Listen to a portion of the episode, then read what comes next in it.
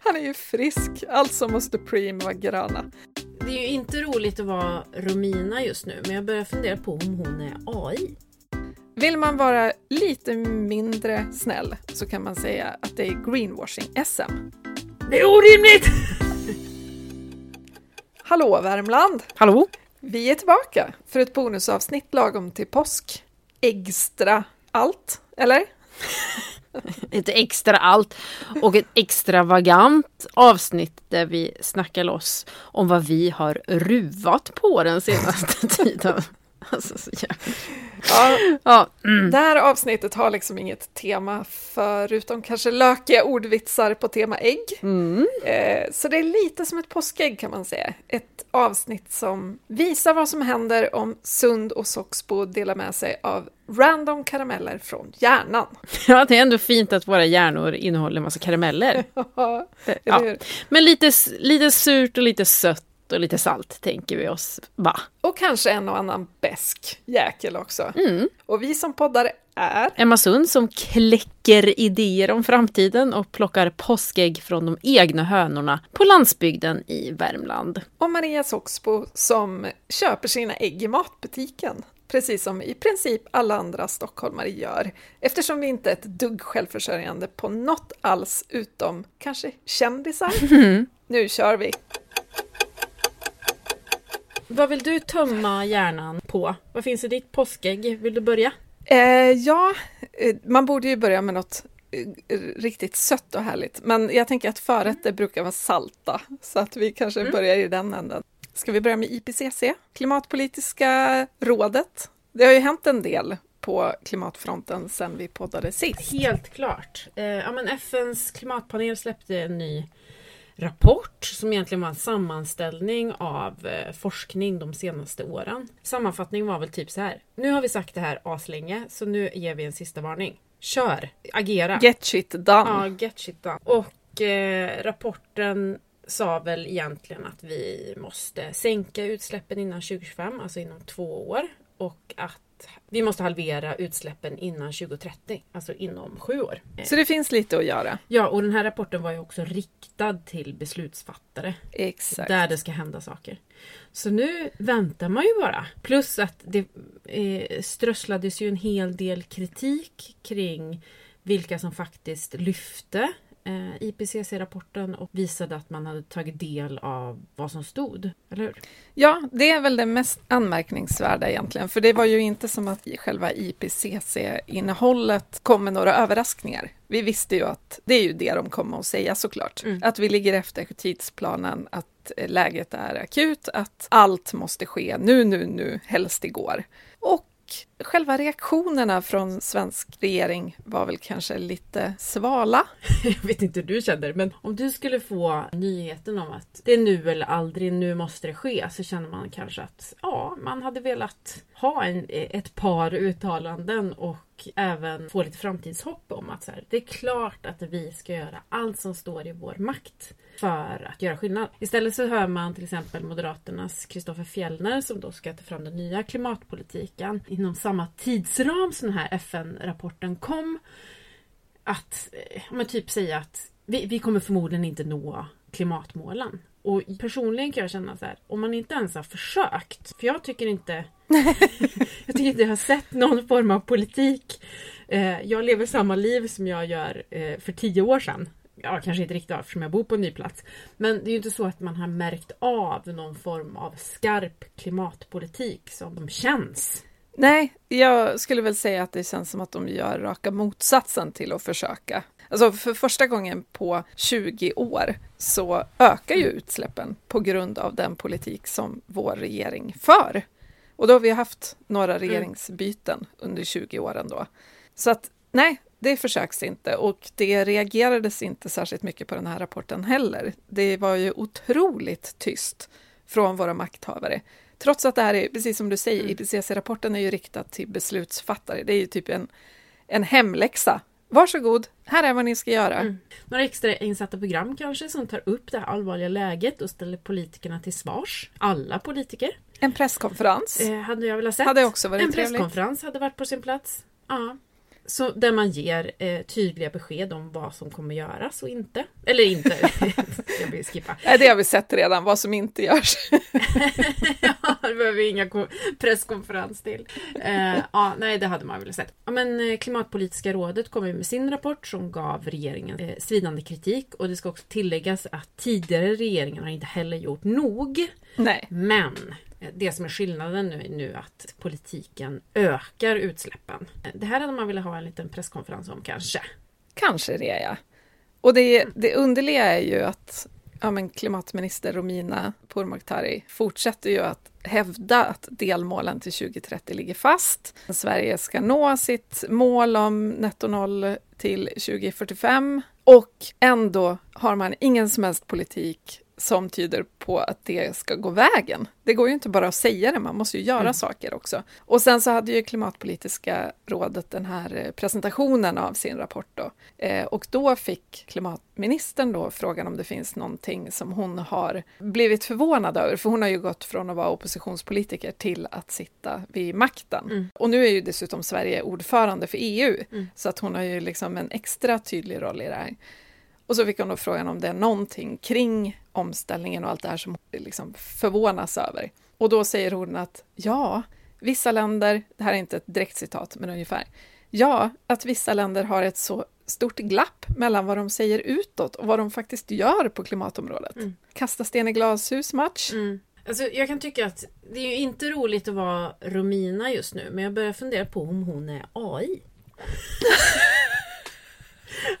Så här, hon är programmerad att typ säga så här, ja vi gör för lite. Eh, men också pro programmerad på att liksom inte göra något. Men jag tror att det är bara en felprogrammering. Men jag tror att hon också sitter i en jävla jobbig sits. Ja. Där, där hon säkert vill göra mer. Ja men det tror jag med. Så det är en jävla skit eh, skitupplägg och skitroll som hon har fått. Helt klart. Och så sätter man liksom det här i knät medan det egentligen borde vara statsministerns tydliga roll att stävja eh, utsläppen. Kan jag tycka. Ja men verkligen, självklart är det så. Ytterst ansvarig. Ja och sen har ju, jag menar miljödepartementet har lagts ner. Det är väldigt tydligt att regeringen runt henne har liksom inte några större ambitioner alls på det här området. Men samtidigt, jag vet inte, det känns ju som att hon kanske borde avgå i protest. Men å andra sidan, vem kommer då i hennes ställe? Ja. ja, för fan.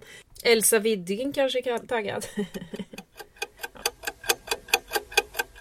ja men bra start på det här poddavsnittet. Alla är pepp. Ja men verkligen. Eh, ska vi prata lite om medias roll? Ja, för här måste man ju ändå säga att media eh, har fått en ganska bra serv upplagd. Det är bara att smasha in den, ställa kritiska frågor. Men det känns ganska svalt där mm. med. Svalt intresse. Det var ju ett fotbollsbråk häromdagen. Janne Andersson mm. i centrum. Det har nog ingen missat. Nej, det har ingen missat. Och det kan ju bero på att det skrevs 176 artiklar om det här fotbollstjafset under de första 16 timmarna. Mm. Eh, det är åtta fler än vad IPCC-rapporten fick under hela det första dygnet i Sverige enligt tidningen Journalisten. Eh, var det någon som pratade om glapp? Jag vet inte. Jag vet inte. Åh oh, herregud.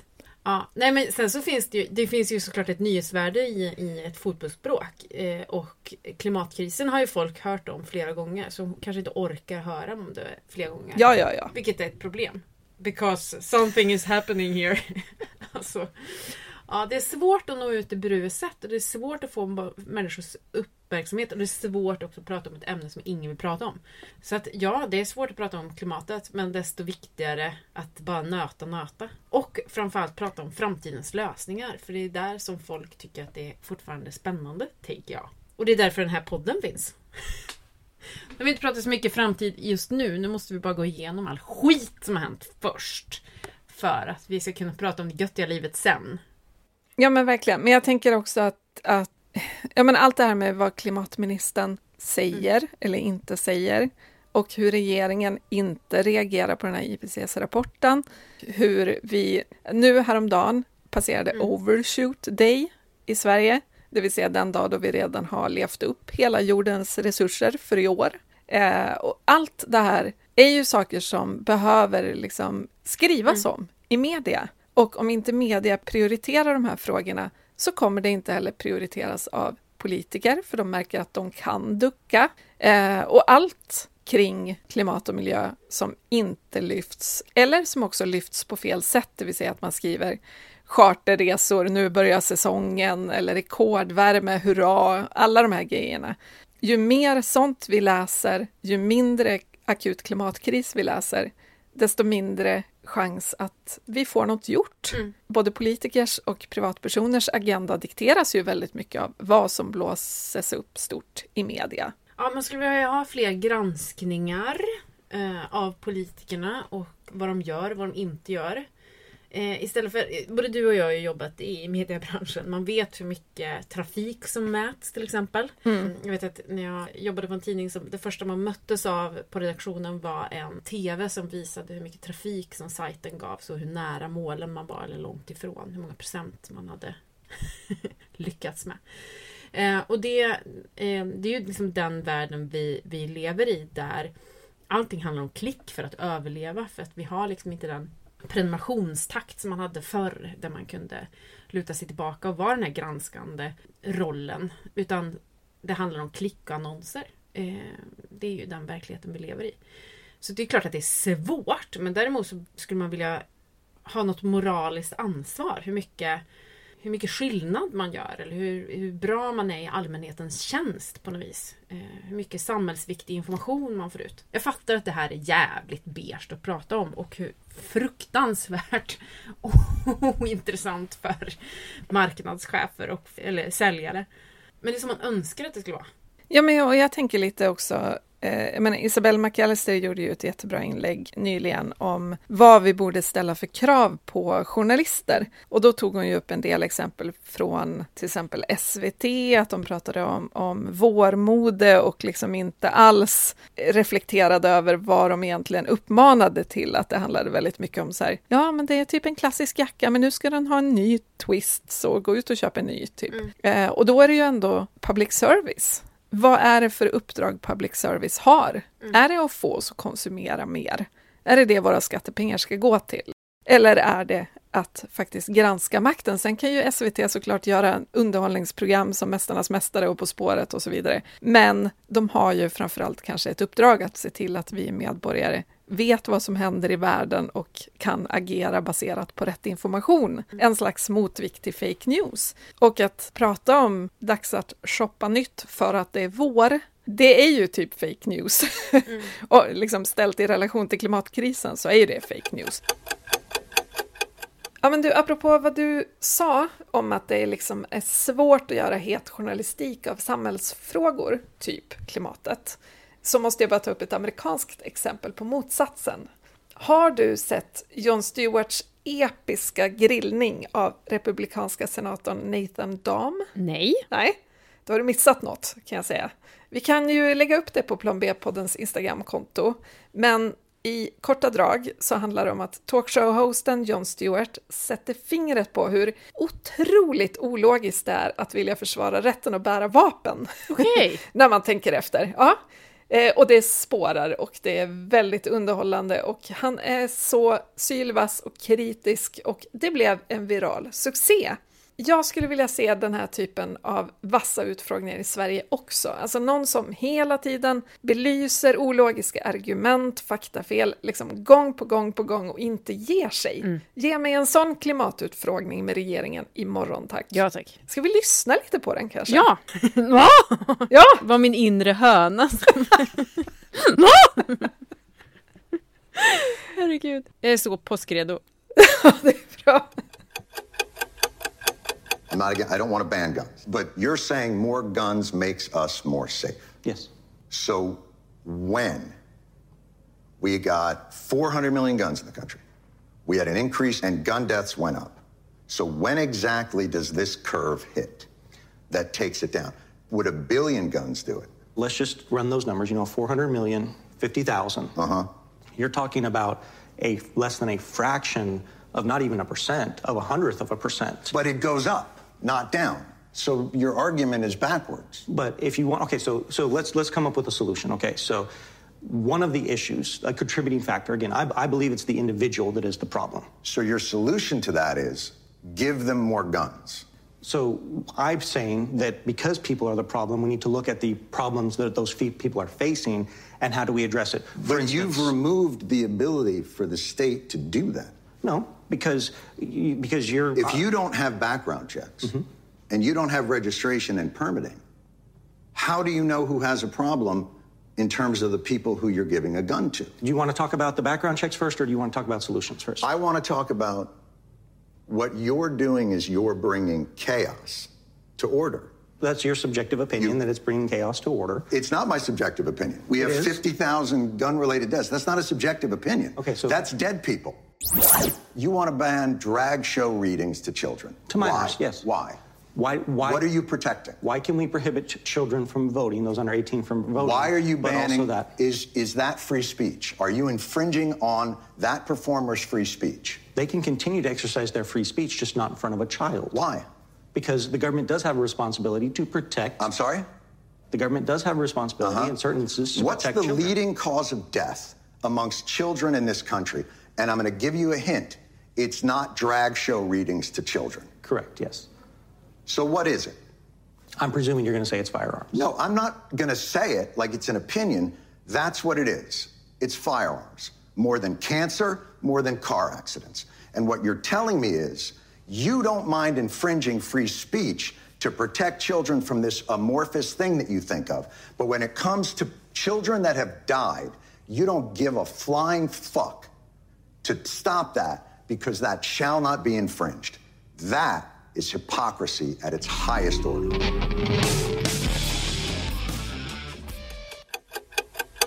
Och jag tänker att där någonstans borde ju eh, svenska journalister också se en möjlighet i att vara den där kritiska rösten på ett sätt som gör att medborgarna bara ja, kom igen, kör hårt, för att man gillar ju ändå när en makthavare som gör fel ställs till svars.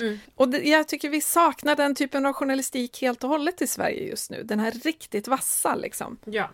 Men är det inte just det att liksom media vacklar vem man ska vara? Jo. Ska man vara den där sköna som tillåter allt och liksom är, har högt i tak? Eller ska man vara den granskande journalisten som går i foträta skor och har en beige page? Alltså, och jag, jag tror så här att man missar att det, det kanske kan få vara både och. Ja, Men jag tror att media idag vacklar sjukt mycket och inte minst på grund av att public service också har blivit ifrågasatt för att vara vänstervriden exempelvis. ja men exakt. Och att man gör den här typen av underhållning och att den ska vara... Alltså jag tror att det är ett jävla vacklande just nu vem man ska vara. Ska man vara kul och härlig och högt i tak eller ska man vara liksom granskaren? Ja men verkligen, och just det här med som du sa nu att nyhetsmedia eh, blir ofta beskyllda för att vara vänster, vilket ju är verkligen eh, ett konstigt sätt att se på det eftersom vi i allra högsta grad har dagstidningar med, med eh, högerledarsidor. Det är ju däremot så att om man kritiserar någon politik som har med klimatet att göra så upplevs det direkt som en vänsterfråga och jag kan inte riktigt förklara varför, för Miljöpartiet till exempel har ju inte heller varit ett typiskt vänsterparti. De stod ju i mitten extremt länge just för att de inte tyckte att miljöfrågan var blockpolitik. Det spelar också en roll att media har fått kritik för att så fort de har engagerade personer på sina poster så, så kallas de aktivister. Det är Ja. ett väldigt konstigt samhällsklimat just nu kan jag känna. Allting är väldigt vacklande. Men också, jag kan ju också känna igen mig i det här vem man ska vara. För det tänker jag också, det här har jag dryftat med dig. Så här. Kan man vara en, en seriös samhällsdebattör med klimatet framför ögonen och samtidigt ha kul. Det är också så här, det är en jävligt svår roll. Jag fattar att folk vacklar, jag fattar att mediehus vacklar, för det gör ju jag med. I att så här, kan man få vara, eh, hålla på med fina saker och samtidigt vara en skarp röst eh, i klimatpolitiken. Ja men verkligen. Det är en jättesvår roll att axla såklart. Den här podden, vi pratar om väldigt allvarliga saker och sen är det flams och trams runt om. För att annars skulle vi bli galna och det skulle också bli en betydligt tråkigare podd tror vi.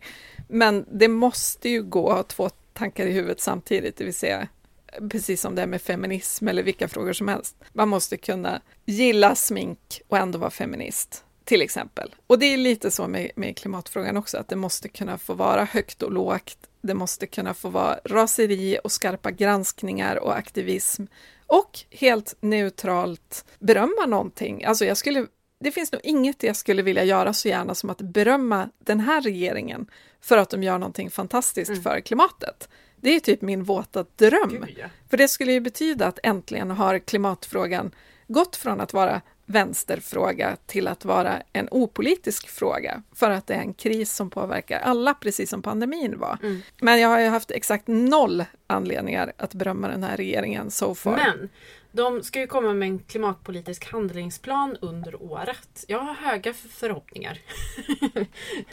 och jag känner så här att jag, jag är så jävla beredd på att bli positivt överraskad. Jag är så redo. Jag står här. Eh... Nu får vi ordning på klimatet. Ja, verkligen. Verkligen. Jag är så taggad. Jag ser, jag hejar på som fan för att det ska bli lite jävla verkstad här. Ja, oh ja. Apropå fotbollsbråket med Jan Andersson där. Eh, jag skulle vilja se fler klimattjafs. Ja. eh, folk som lämnar studion i raseri. Något jävla action. Någonting som kan bli viralt. Ut med er bara blir arga politiker för att ingenting händer. Ja men verkligen, alltså jag tänkte på Al Gore på COP. Mm. Hans tal blev ju också viralt för att han blev bara, han fick en fråga och så började han svara på den och så eldade han upp sig längs vägen och han var ju jättebra på alla sätt, men det märktes också att det fanns en hel del ilska under alla de här snygga formuleringarna som han ändå fick ur sig eftersom han är så medietränad liksom. Men under mm. det så var det ju verkligen så här, det bara kokade där under och det är ju det man vill åt, känner jag. Every piece of pro-climate legislation at the national level, the regional level, the local level, municipal level, the oil and gas industry and the coal industry, they come in and fight it tooth and nail. And they use their legacy network of political influence and wealth to stop progress.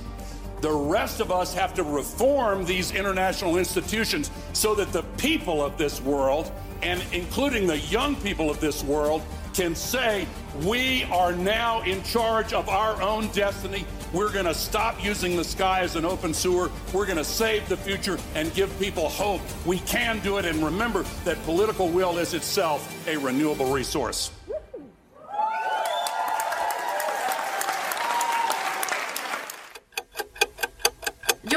Det man vill åt. Man vill ha en Romina mic drop. Nu bara, nu får det fan med vara nog. Alltså jag fattar att hon har ett Tidöavtal och ett samarbete som hon måste ta i, i beaktande. Jag fattar att det är, är en svår roll.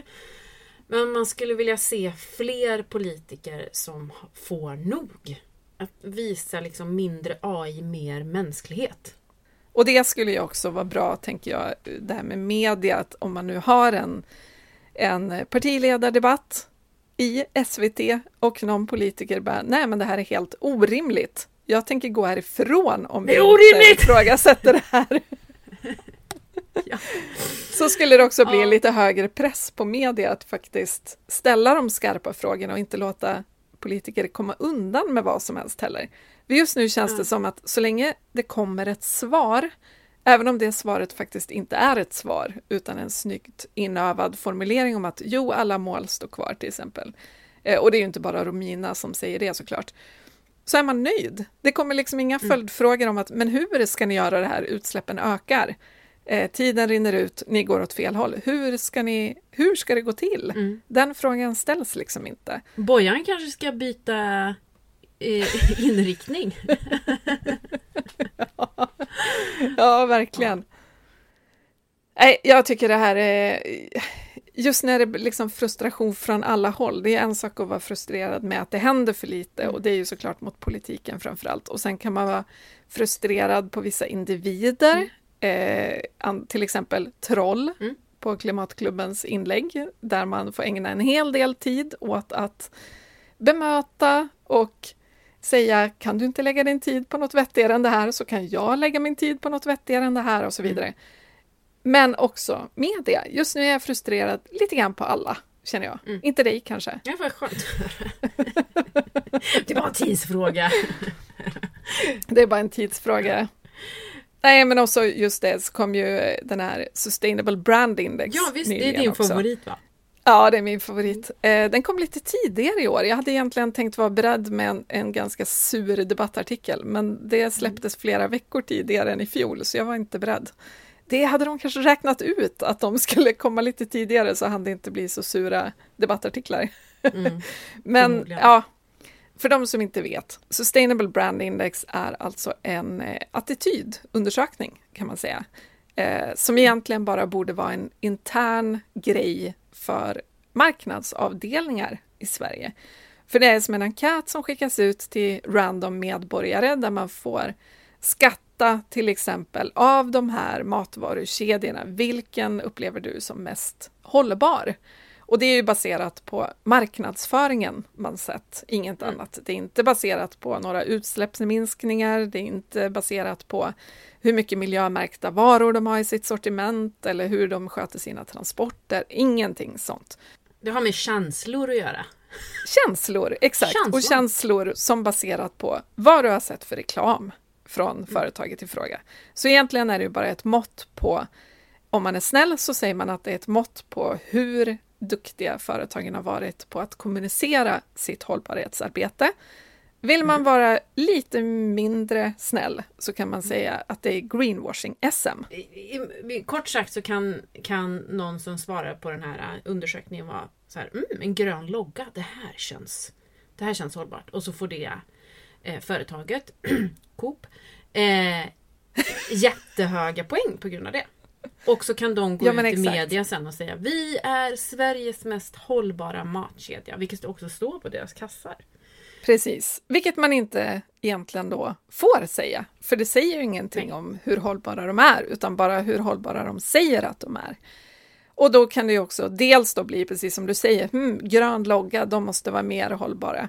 Men det kan ju också vara lite så här random, Preem, var det inte något med Gunde och tallolja? Det måste ju vara bra. Han är ju en god Ja, kille. han är ju frisk. Och sen- Friskvård personifierad. Han är ju frisk, alltså måste Preem vara gröna. Ja. Helt logiskt. Eh, och det som också händer då är ju att eftersom varje år då utses det en massa vinnare i olika kategorier, mest hållbara, fast det är ju inte det då, men mest hållbara eh, livsmedelskedja, vad är det mer? Bensinföretag, alltså det är ju verkligen alla branscher, apotek. Eh, och då säger vinnarna i varje kategori, titta här, vi har vunnit, och så skickar man ut pressmeddelanden. Och det gör ju då att nästa år när den här enkäten skickas ut så kommer människor att tänka, hmm, jag läste ju något om att Coop är mest hållbara. Så då är de väl det. Och så kryssar man Coop igen och så vinner de igen. Och så har de vunnit 16 år på raken eller något sånt. Eh, så det blir ju ett självspelande piano på många sätt. Och det jag Ja. tyckte var intressant, anledningen till att jag vill ta upp det här, är för att jag tycker att alla ska gå in på Greenwashing i Sverige. Eh, det är kontot på Insta, Yrsa Lindberg som är helt fantastisk. Hon har sparat massa höjdpunkter om just Sustainable Brand Index. Dels då för att det blir greenwashing SM med alla de här pressreleaserna som säger vi är Sveriges mest hållbara, bla bla bla. Men också för att det visar sig att förra året så skickade Sustainable Brand Index ut ett pressmeddelande som sa att nu ska man ta i på skarpen. Eh, nu får man inte säga så där längre, utan man måste vara tydlig med vad det är som faktiskt har mätts. Det vill säga att det bara är en attitydundersökning i princip. Eh, och så har de gjort massa skarpa riktlinjer och en hotline så att man kan anmäla de som inte sköter sig och så vidare. Och sen kom rapporten ut i år och så kom det exakt samma greenwashande rubriker igen. Yrsa hörde av sig och bara, hallå, vad händer? Det är ju ingen som följer riktlinjerna. Och då visade det sig att vinnarna har inte fått riktlinjerna. Vinnarna har fått inspirationsmaterial kring tidigare års vinnare, till exempel Coop, som säger att de är Sveriges mest hållbara varumärke. Så det är liksom en grej vad Sustainable Brand Index säger utåt till media. Nu ska vi göra det här korrekt, vi ska inte bryta mot greenwashing-regler. Och så säger man till företagen typ, kolla här, så här kan ni greenwasha, så blir det extra snyggt. Herregud. Det här tycker jag är spännande. Ja. Men ja, gå in på greenwashing i Sverige. Exakt. Följ kontot om du inte redan gör det. Och det är spännande, som jag också tycker är spännande i sammanhanget, är att EU, på EU-nivå så har det kommit nya lagar kring greenwashing. Eh, som gör det till exempel förbjudet att ha egna märkningar, alltså en sån här eh, typ tummen upp symbol för någonting som är extra grönt i sitt sortiment. Man får liksom inte hitta på en egen symbol som ser lite ut som svanen eller någon annan märkning och sen så är det bara en intern grej som kanske betyder 10% mindre vatten eller något sånt. Det får man inte ha längre. Jätte, mm. jättebra tycker jag. Ja, det är bra. Så det håller ju på att tas krafttag mot greenwashing, men Sustainable Brand Index hjälper inte till kan man mm. säga. Min favorit bland egna märkningar måste ändå ha varit Polarnapyrets Eko. Som de hade. Som inte var eko ja. Nej, som inte var eko. Det stod för någonting... Eh, eh, Environmentally conscious, conscious option. Eller något option. Precis, man bara ja, haha, okej. Okay. Ingen som kunde feltolka den, det var ju tur. Nej. Jag gick så på den. Så på den, jag var så vilseledd. Ja, nej men så jättebra att den, det liksom hände grejer på EU-nivå. Ja, verkligen, för att EU-kommissionen har också slagit fast av att 50 procent av all reklam om hållbarhet och såklart är greenwashing. Mm. Kan, vi inte, kan vi inte bara sätta alla marknadschefer på två veckors semester och köra reklamfria två veckor bara? En känsla. Bara för att testa känslan. Åh gud vad skönt det vore. Tänk lugnet i kroppen generellt. Jag var på en middag nyligen och pratade med klimatfolk och, och där pratade vi om att man borde crowdfunda och köpa upp all reklamyta mm. i en stad och sen bara köra klimatbudskap i en vecka. Bara för att se vad som händer. Eller det hur? kanske blir åka av på mediehusen. Eller hur? I alla fall så skulle den kampanjen bli omskriven en liten stund. Det kanske skulle vara något i alla fall. Men du, eh, jag skulle vilja lägga in lite söta saker i påskägget. eh, de har varit jävla sura nu alltså. Ja, det är Riktigt surt sura. påskägg. Men det är ju det godaste godiset så att jag känner att det Nej. Nej, det är det inte. Du som inte tycker om choklad, det här är ju så konstigt. Nu kommer det några riktiga godingar eh, här på chokladfronten. Det nu det kommer någonting brunt? Eller? Nej, tyvärr inte. Nej, men något eh, väldigt god nyhet måste jag säga. Eh, som handlar om oss. Jaha! Du och jag jobbar ju med något fantastiskt som heter Leborgarråd för klimatet i Karlstad ja. kommun. Eh, som är så jädra grymt projekt där man har låtit barn och unga i kommunala förskolor och skolor komma med förslag kring hur kommunen kan sänka sina utsläpp i eh, linje med Parisavtalet utan att någon kommer i kläm. Och samtidigt bli liksom en miljösmart kommun. Och det har kommit in 967 förslag från kidsen. Och det är så jädra bra förslag. Ja. Och jag vill bara lägga in det påskägget i att eh, kidsen har full koll på vad som behövs göras. Det här är förslag som innefattar biologisk mångfald, transport, det är mycket sån här fördelningspolitik, rättvisepolitik som de har gett förslag kring. Eh, men de har full koll och nu då den 20 april så ska två representanter från varje kommunal skola i årskurs 4 till 9 komma på en workshop och ta fram 50 vassa förslag eh, som sen ska överlämnas till eh, kommunens politiker. Det, här, ja, det är så mäktigt. Ja men det är så mäktigt och eh, några av eh, kommunens politiker har gått ut i sociala medier om att de ser fram emot och eh, de ser fram emot att ta emot förslagen och eh, ja, men, skapa lite verkstad. Så att, det här är så jävla bra. Jag älskar sådana här medborgarinitiativ där man faktiskt bjuder in medborgarna att, att vara med och skapa förslagen och få, också få in spännande förslag som man kan liksom vässa till och också få in olika infallsvinklar kring stad och landsbygd och vad man har för olika utmaningar. Eh, det är så vettigt sätt eh, att föra politik tycker jag. Eller att skapa politik. Ja, och jag hörde häromdagen att Livsmedelsverket, tror jag det var, mm. skulle också göra någon form av medborgarpanel mm. kring mat. Så bra. Så att jag tänker att det, det här är det nya svarta, mm. ja, det det. nya gröna. Att människor faktiskt får vara med och påverka och tycka till. Och jag tänker att det är så vi också får folk att bli engagerade. För jag tror att väldigt många just nu känner att men det spelar ingen roll vad jag gör, för jag har ingen makt. Eh, det är inte jag som bestämmer, de som bestämmer hjälper inte till i det jag behöver. Mm. Så varför ska jag bry mig?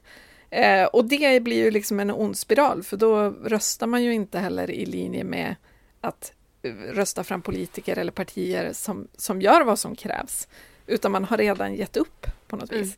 Så ju mer engagerad man blir, desto mer engagerad blir man Ja. också. Det, det ger sig själv liksom. Eh, jag tyckte också det var så himla fint att läsa de här barnens förslag just för att de har koll på att saker hänger ihop. Mm. Eh, jag vet att det var några förslag som till exempel handlade om att kanske släcka varannan var tredje gatlykta, inte minst längs motorvägar och sådär, där det inte handlar så mycket om trygghet för individen. Liksom. Eh, och att det sparar energi, men det gör också att djur och natur på natten, alltså att eh, olika flygfan och sådär inte blir förvirrade och tror att det är dag. Så de har ju sån koll. Så impad. Mm. Ja, men så, jag är så glad att få vara med på ett hörn på det här fantastiska projektet. Ja. Och också få följa eh, politiken från här, första parkett eftersom jag faktiskt bor här. Ja, exakt. Vi kan väl bara lägga till att vår målsättning på sikt är att alla kommuner ska göra så här med sina barn och unga. Ja, och låta nästa generation som idag saknar rösträtt få vara med och bestämma eftersom det är de som kommer leva med konsekvenserna av den politik som förs idag. Exakt. Eh, Det har varit första april hörru. Ja, Ja, jag tar ju var, varje första april att luras om saker som jag tycker bor, borde vara på plats. Mm. Ja, eh, vad blev det i år? på Klimatklubbens Insta så körde jag ett, ett lur om att Dala, Region Dalarna var först i Sverige, eller världen med att, att eh, köpa in Teslas nya kollektiva eh, bokningssystem som de har lanserat för den här bokningsbara kollektivtrafiken som man kan beställa via app. Och det här var, var några som gick på det ändå. Eh, Det var ett uttalande från Daniel på Region eh, Dalarna som tyckte att det här var skitspännande eftersom de är den, en av de biltätaste regionerna, True Story, i Sverige. Eh, och det var flera saker som, jag tycker är kul med det här. Dels är Tesla borde ju göra kollektiva lösningar, inte bara mangla ut personbilar. Och de har ju redan satsat på eh, lastbilar exempelvis. De är ju liksom inne och nosar men de borde ju verkligen ta kollektivtrafikspåret. Eh, Ja. Och så slängde jag in, eh, taggade in både Tesla och Polestar för Polestar kan väl bli ännu snabbare då, tänker jag. Och ehm, jag väntar också på nyheten att någon region tar den här pucken med att skapa eh, såna kollektiva appsystem till exempel där man kan enkelt boka kollektivtrafik. Eh, så att det blir enkelt för fler, framförallt på landsbygden och mindre tätorter att, att åka kollektivt. För idag är det alldeles för svårt. Eh, och oattraktivt. Man ska stå vid en hundraväg, typ en hållplats och vänta på en buss. Man bara yes, jag ställer gärna mina barn och ungdomar här. Mm. Nej, så kan vi inte ha det. Eh, så att, ja men det är väldigt kul. Plus att eh, kanske lite hybris från min tid på modemagasin då vi gjorde ett aprilskämt om att Elin Kling skulle göra en, en samarbetskollektion eh, med H&M Och det faktiskt blev verklighet sen. så Så du att- tänker att det jag skriver blir så småningom sant? Ja. Aktiebolaget Storesvansinder checkar in. Men eh, så det är väldigt härlig, väldigt härlig känsla att vara jag. Ja. Om jag skriver det här så blir det verklighet. Om det inte blir det så är alla dumma i huvudet. Ja, exakt. Ja, men jag tyckte Klimatklubbens eh, aprilskämt var väldigt roligt. Jag tyckte att Klimat-Frida eh, var ganska rolig. Hon skrev på LinkedIn att hurra, jag har fått ett nytt jobb på Lundin Oil. det tyckte jag också var roligt. eh, men eh, regeringen, ja, regeringen tyckte jag inte var så roliga. Deras aprilskämt var ju det där med höjd moms på reparationer. Alltså, trist aprilskämt då. Vadå? Nej, det är ju inget aprilskämt, det är det som är så dåligt med det. Alltså gud vad sjukt! Jag bara va? Jag skrev ju om det här dagen innan första april. Vad det ett april?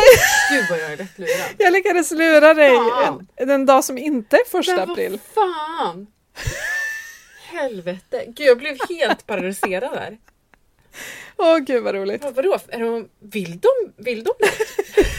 Nej, Vill nej, de vill inget. De, de vill Nej. bara motarbeta omställningen precis som vanligt. Det var, det Ja. var inget aprilskämt. Det var en helt vanlig dag för dem.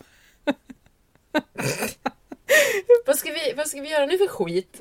Hmm, momsen på reparationer. Ja men så är det ju faktiskt. Den första april så gick det ju igenom att, att eh, det är höjd moms på reparationer vilket gör att det är dyrare att reparera i en klimatkris då som vi befinner oss när vi behöver ta hand om saker längre tid och reparera mer.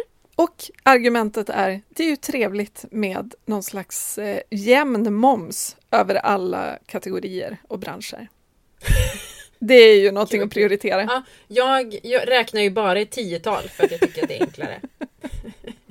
jag tar endast ut eh, lön i jämna tusental. För att det är, kö- det är skönt. Ja, det är jag. skönt. Jag tar- tittar bara på temperaturen när den visar jämna grader. Ställer också bara spisen på jämna tal. Inte 6 och 9 och så. För det, jag tycker att det är skönt med, med liksom, att det är konsekvent. Precis. Och du kommer ju inte fylla 41 heller nästa år. Utan du går direkt på Nej, det 42. kommer jag inte göra.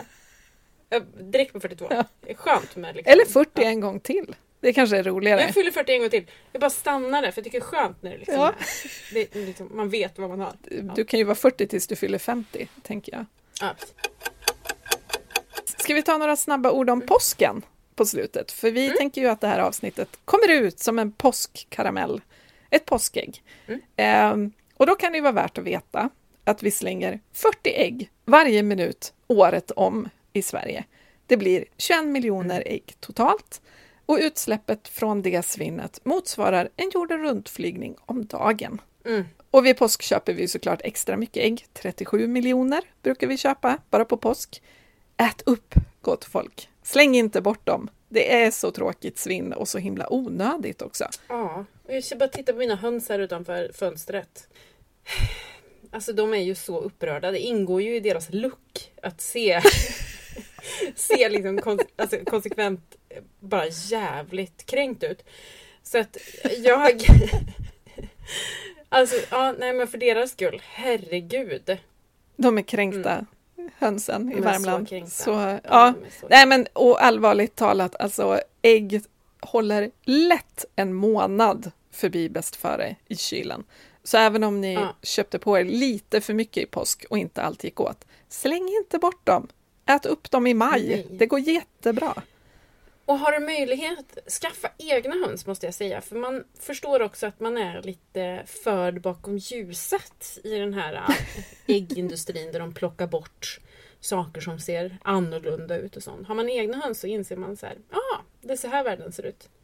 Det är liksom eh, lite konstiga ägg och de kanske ser lite konstiga ut ibland. Och det är också liksom en förståelse kring vilken jädra matindustri vi har. Där vi bara får fram det finaste, rakaste och mest liksom snyggaste, det snyggaste vi har. Eh, och där måste vi få lite, man vill sätta in en liten kil där. I att odla själv och faktiskt eh, producera mat själv så man inser tiden det går åt och också att allt inte är så jävla snyggt alla gånger. Men det smakar hur bra som helst ändå. Mycket Slutord. bra. Slutord. Hörni, glad påsk på er! Och Ja. hoppas ni får ett fantastiskt påsklov trots ganska mycket beska karameller i dagens påskägg. Eh, hoppas det är några godare i ert riktiga påskägg, om man säger så. Ja. Och sen så hörs vi igen snart. Det gör vi. Ha det gott! Hejdå! Ha det gott! Hej!